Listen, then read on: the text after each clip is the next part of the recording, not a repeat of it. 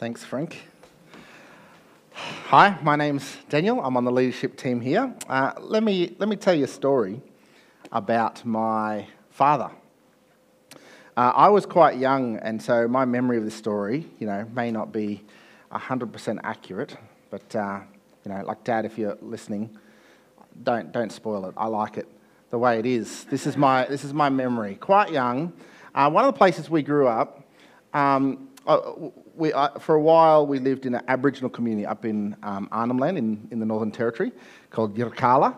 And uh, I remember this scene there where um, we were playing in the yard. I was somewhere in middle, kind of middle of primary school age, and uh, playing in the yard, and a guy came into our yard screaming and yelling. Dog went mad, and he had in his hand a bundle of fishing spears.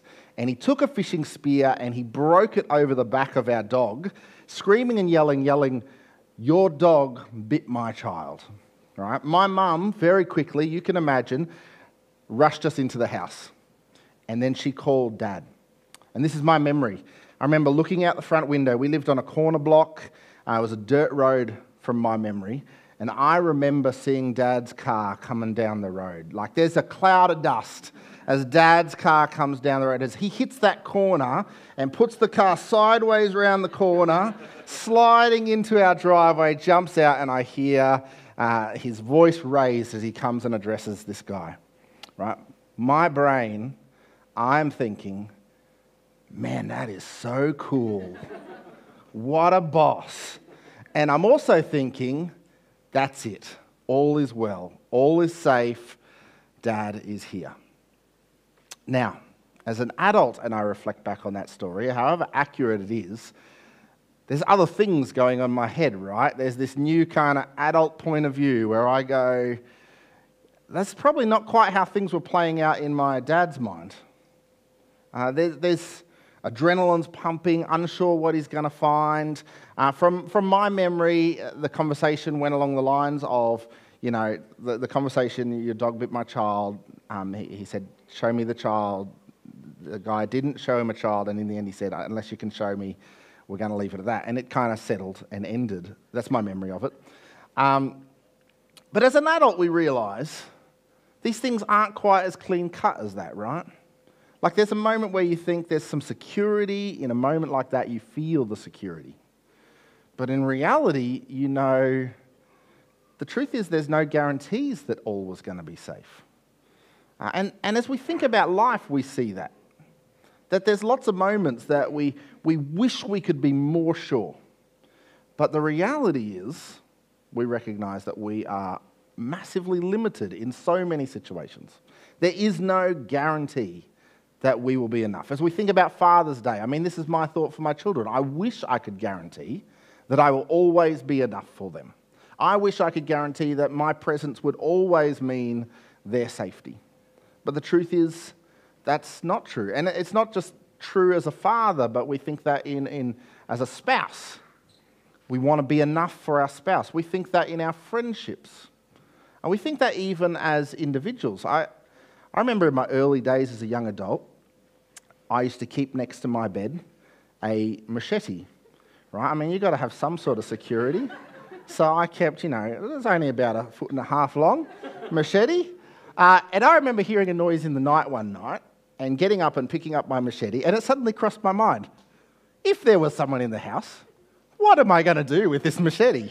Because the reality is, I don't want to use the machete, right? That's, and, and, and there's very few options except for either look really scary, that's a good option, I like that option. Um, probably in my pajamas holding a machete, I don't know, it's a, that's a scary look um, for different reasons. But the truth is, the only other option is swing it, and that's not an option uh, you want. And you realize your limitations, even that. Limitations, even to be enough to protect myself.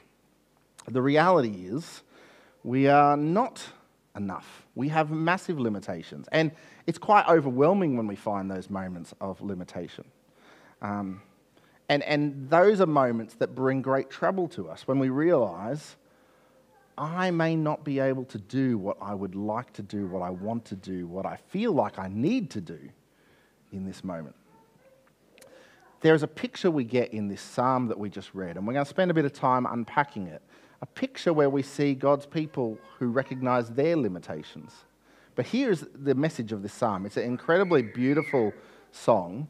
The message is God is enough, God is powerful, and God is present.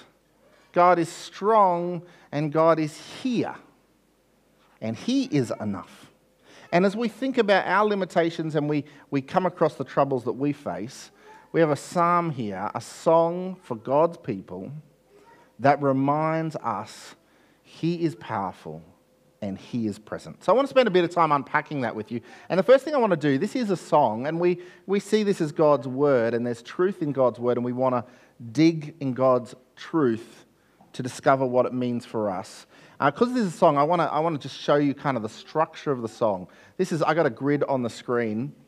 I've broken the song into two columns, two halves. And in each half, I want to pick up two themes. There's a theme of power and there's a theme of presence. This is what we read. The first one is kind of the subject line of the song God is our strength and refuge. Uh, we get this first picture of power. We'll unpack that in a second. We actually get a second hint of presence there. He's our ever present help in trouble. That's the, that's the theme of the song. And we get the second stanza that starts in verse 4 this picture of God's presence. There's a river whose streams make glad the city of God. The city of God is the place that God dwells, it's his presence. And then we get this refrain in the song, verse 7 The Lord Almighty is with us, right? That's his presence. The God of Jacob is our fortress, that's his power. There's a shift in the song, but we get in the second half, we get another picture of power. Come and see what the Lord has done, the desolation he has caused. He makes wars to cease, it says. It's a picture of power. And then we get this incredible picture of presence, the famous verse of this psalm. He says, Be still and know that I am God. And then the song finishes with that refrain again. The Lord Almighty is with us. That's his presence. The God of Jacob is our fortress. He is powerful. That is the picture we get of this psalm. And it's important for the psalmist, the songwriter, to think about these themes because one of the key things he wants to get through at the start is there is a need for a powerfully present God. There's a need for a powerfully present God because there is trouble that we face. In fact, the first picture of power we get in this psalm is actually a picture of the power of the trouble. We're told we will not fear, but why should we not fear in the face of, though, and he lists these powerful things, right? He lists power of nature and he lists power of nation. Verse 2 the earth gives way and the mountains fall. Verse 3 the waters roar and the mountains quake. The first picture we get of power is the power of the nations, uh, of, the na- of nature. Uh, and it's, a, it's an incredibly powerful picture um, because it's something that we really recognize a limitation to, right? When we come face to face to the power of nature. Another place that I grew up um, in Papua New Guinea, we had a river next to our school called Bumbu River, and it flooded regularly and uh, there was a whole lot of houses on the, on the, I mean, it flooded every year.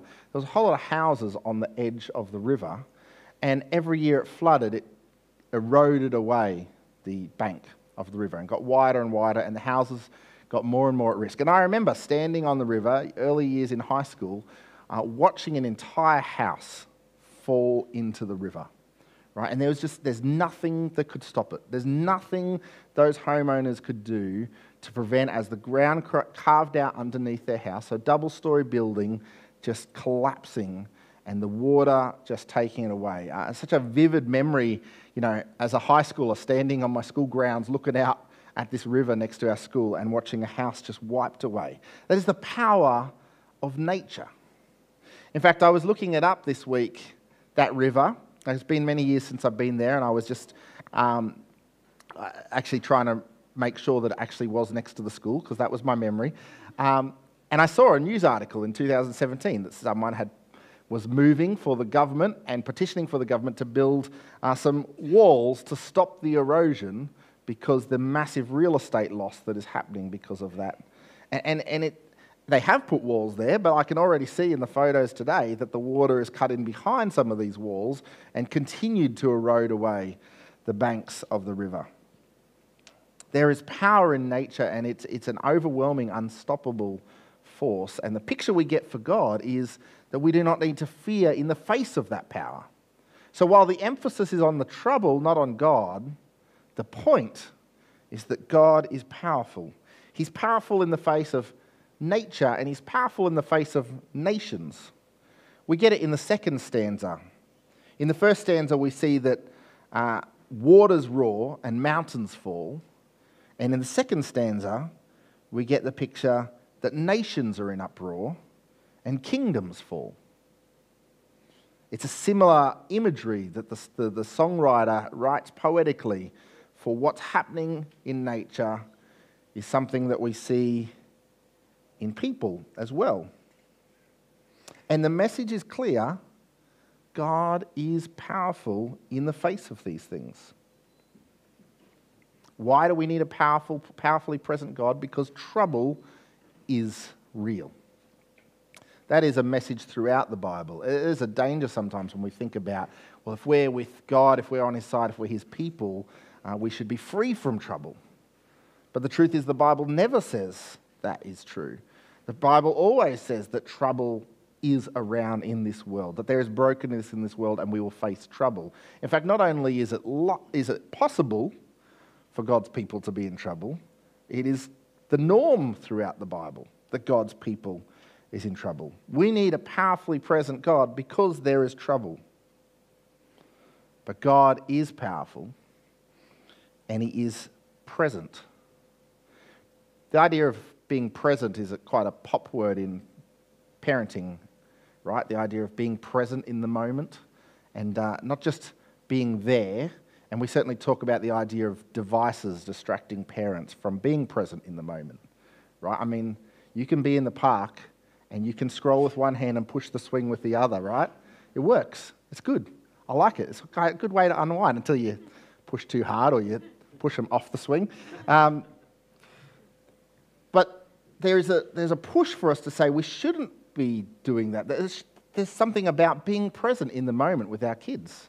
That that's a beautiful thing. That it's not good enough to just say, I provided my children with a, a good life, but actually we want to provide them with a good relationship with us in that life. That is the picture we get of God in this. He is a present God. This is what we read in verse 4. There are rivers, there is a river whose streams make glad the city of God, the holy place where the Most High dwells. What a beautiful picture that is of God's presence. The first picture that is of God's presence is a picture of providence, that God is the provider. We have this scene of this war raging outside the city walls, and God's people are in the city with God. He is present with them, and there is a provision in this picture of a river. Uh, you know, in ancient wartime, one of the uh, common strategies to defeat a city was to cut off their supplies and stop any supplies getting in and out of the city. But if a city had access to a large, strong flowing river, that was quite a hard thing to do because you could, it's very difficult to stop the water flow from going into the city. And if in that water there are things like fish, then there are food supplies going into the city as well. So there's a picture of God's providing for his people in this city. But it's not just a picture of providence, it's also a picture of peace. This is the way the psalmist, the songwriter, writes this song, right? There is this raging war outside. The, the mountains are falling, the seas are roaring. And then we hit this verse, and it's a complete shift in the picture. It's a shift, it, it sounds more like Psalm 23. He leads me behind, beside still waters. There's a peace that comes here. And in Psalm, there's trouble at both the front and the back. As we read this verse, before the verse, we see the mountains falling and the seas raging. And after the verse, we see the nations uh, rising and the kingdom, kingdoms falling. There's, there's this battle going on front and back, but there's this picture of peace. I was trying to think of how to portray this picture, and it reminded me of a, a TikTok filter that I've seen recently. It's not quite like wars raging, but I don't know if you've seen this one. Um, you, can, you can put it on your phone and you can film um, a scene. And then up in the background in the sky, you can have the war is raging while 8 a.m. is having their morning tea there. Yeah. That's the picture we get. This crazy thing is going on outside. Mountains are falling, seas are roaring. But God's people are with him at peace. This is a message for, for the people of God. This is a message for people who are in Christ, united with him. That even in the worst trouble, and the message is that trouble isn't taken away at this point. The message isn't that it's gone, it's there. But the message is amidst that trouble, there is a peace in his presence. The truth is, it is impossible for us to comprehend why God allows suffering if we haven't been able to grasp hold of his ultimate goodness. Because it is understanding God's ultimate goodness in him and through the gift of Jesus that allows us to be united in him that we can start to make sense of suffering because it is in those moments that God says that He wants us to know Him and grow in Him. And it can be in difficult times, it's in our limitations that we are reminded that He is unlimited. It is in our failings that we are reminded He never fails. There is a peace in His presence and it's a real power.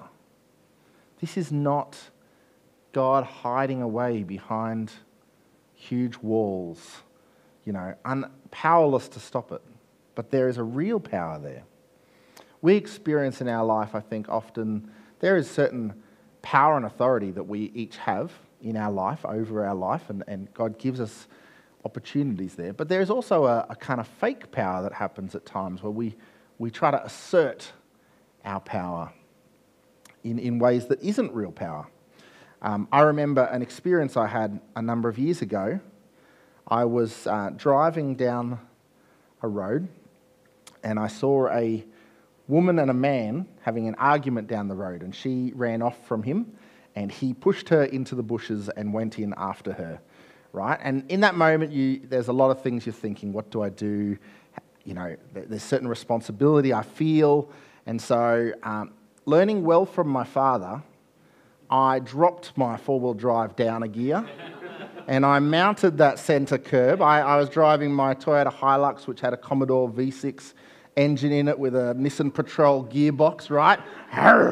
And I pulled over and I mounted the curb next to him and I drove right up till my bull bar pushed into the bushes.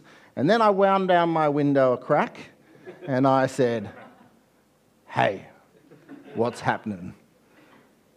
That was false power, right? In fact, I was completely terrified. In that moment, the woman got up and she ran down the road. The man explained to me that that was his fiancee and they were having a disagreement. Um, I, yeah, yeah, I let that conversation go on long enough for her to uh, get down to the train station. And once I saw she'd turned into the train station, I, I thanked him for his time and I drove off. and, I, and I called the police. There's a false power there, right? I, I deliberately did everything I could to puff myself up and look as powerful as I could. That's not what we see happening here. There is real power for God. Listen to this real power.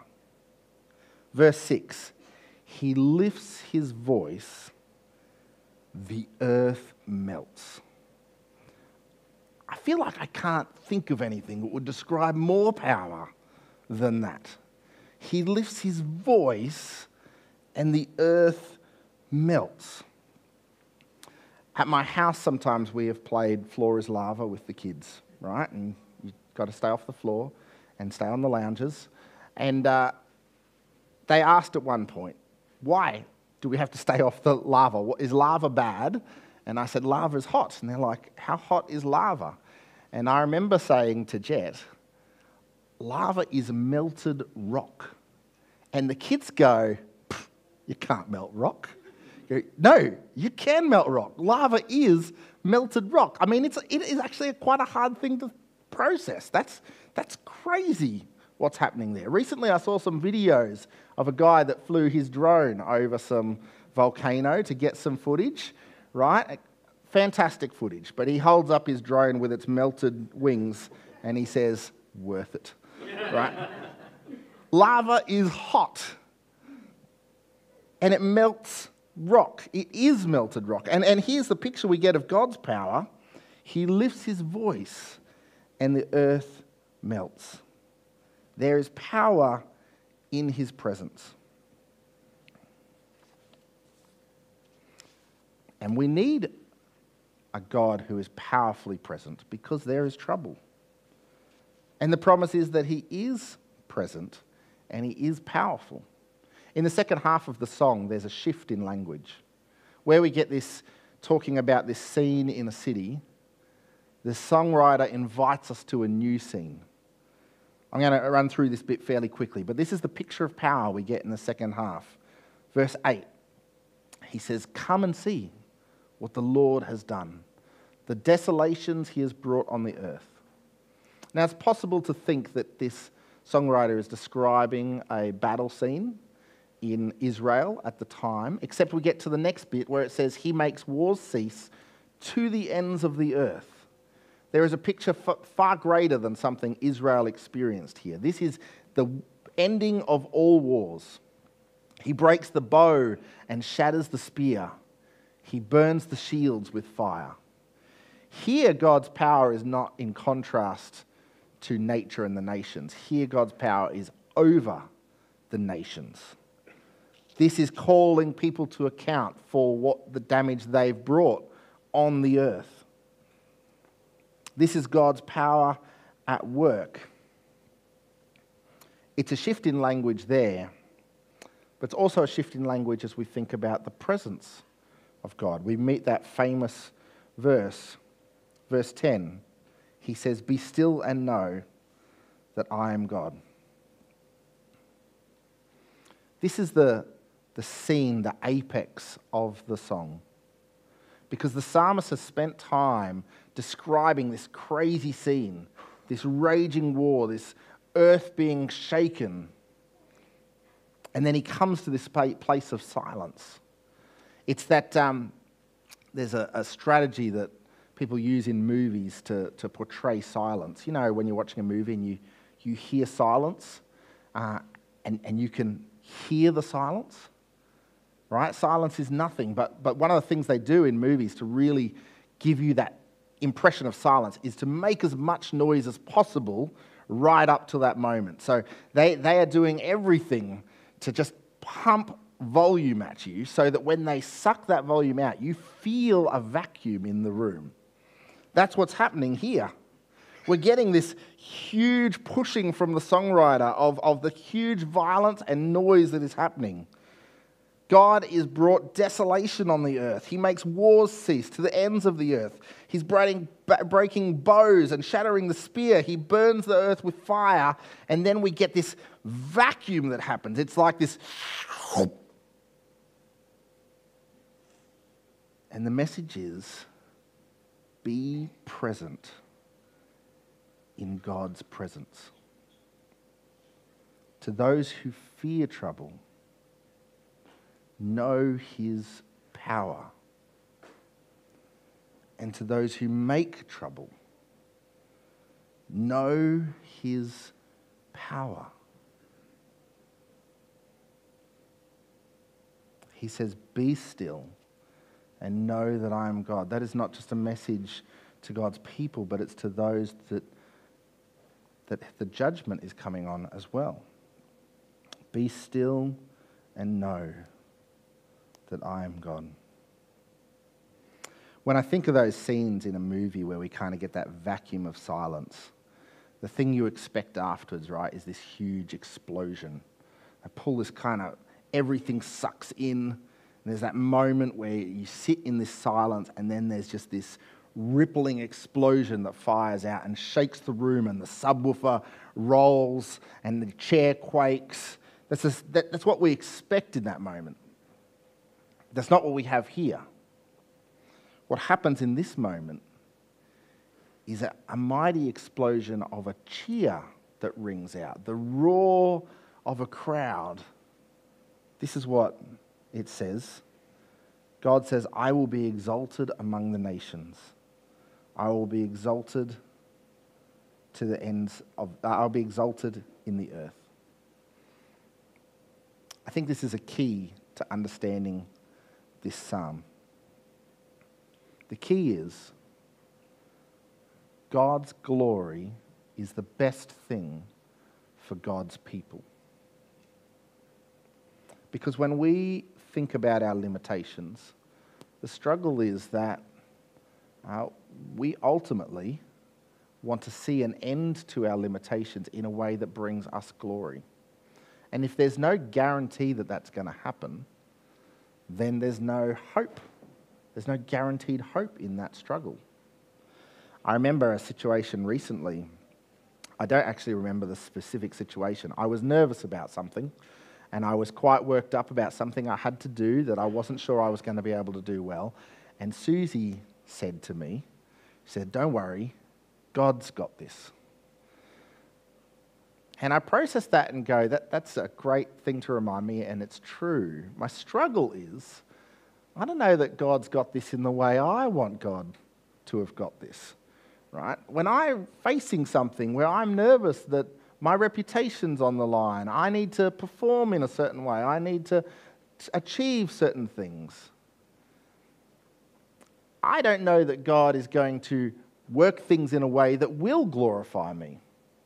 And the, the truth that needs to be wrestled in that moment is God's glory is the best thing for God's people, not my glory, which means I need to wrestle in my limitation that even though I might fail, God's glory is the greatest thing. And as we think about our limitations with others in our life, that same thing is true.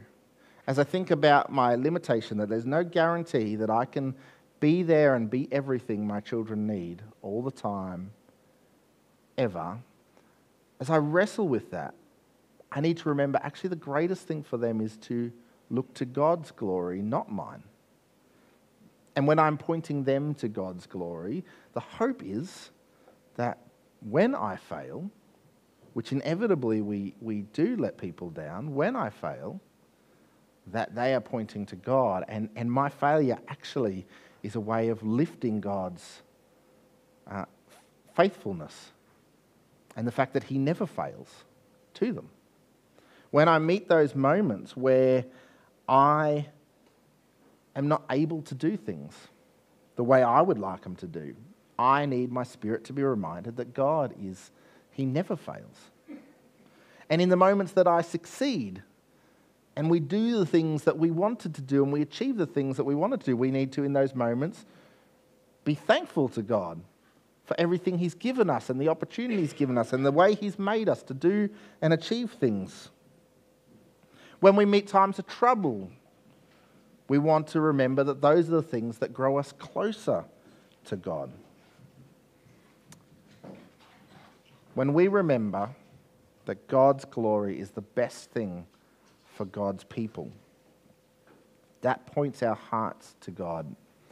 And we should have a desire to point others to that truth as well, pointing people to God.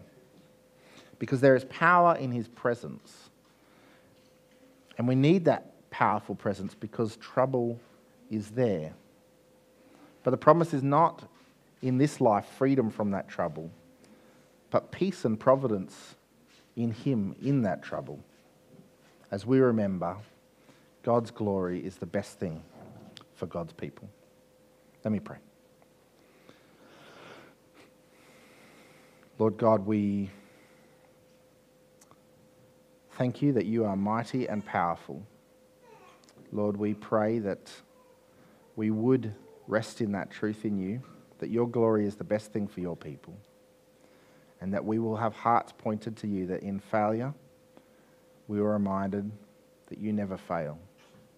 In success, we are reminded that you have given us so many opportunities. In trouble, we turn to you and we point others to you. In your name, amen.